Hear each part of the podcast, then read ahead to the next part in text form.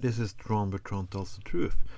Sometimes during a day when I'm planning this segment, I change the theme and I change the tone. Sometimes I do that because I don't want sudden anger to be a part of this segment. Earlier today and yesterday, I planned to make a segment called, yeah, done with family. I hate my family or shit like that because I'm have some problem with some family members. I don't know what started it. I'm part of the blame, I guess, because I've been absent from part of my family for a long time. Well, there are many different reasons for that.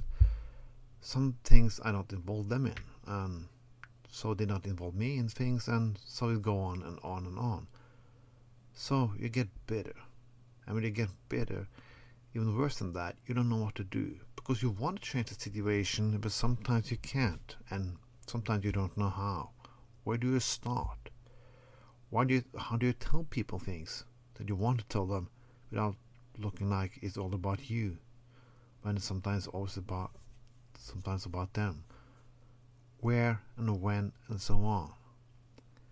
Sometimes you don't need relationship counseling, you need family counseling. You need to see that people done mistakes and sometimes they do it again and again and time goes and you don't know really how time flies. Suddenly one year has gone and suddenly ten years have gone and you didn't know what happened in the first place. People can be bitter. I gonna st- and I know why people can be bitter on me. They have a good reason to do so.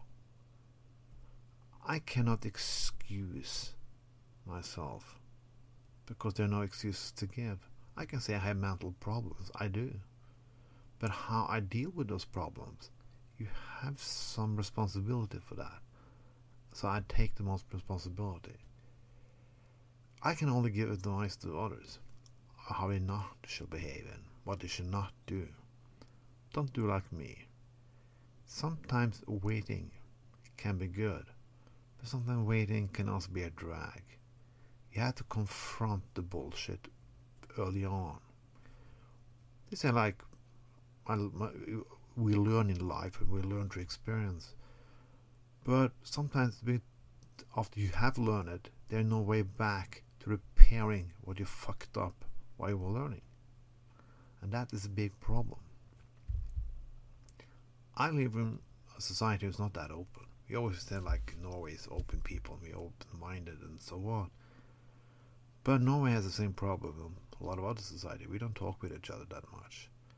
And sometimes it's harder to talk inside a family than talk with some of your closest friends and colleagues. And that's too bad. I want people not to do what I did. I haven't spoken with my brother for nearly a year now. I wish I could. I know part of the blame why it happened in the first place is me. But I miss him. I hope he missed me too. But too many things happen so many times and so many disappointments. So maybe it will be fixed and maybe not. But I wish I could have done go back and done it at an early stage, but it didn't happen.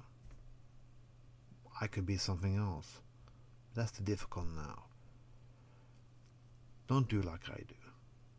Maybe it's easier to admit for yourself certain things on, on the early stage than is to say I'll learn from it later. Because we think too much about himself and when you have problems you get self-absorbed with the problems.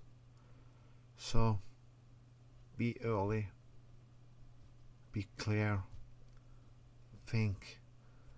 There aren't always time, but sometimes times also can run out. Was Tron, but Tron tells the truth.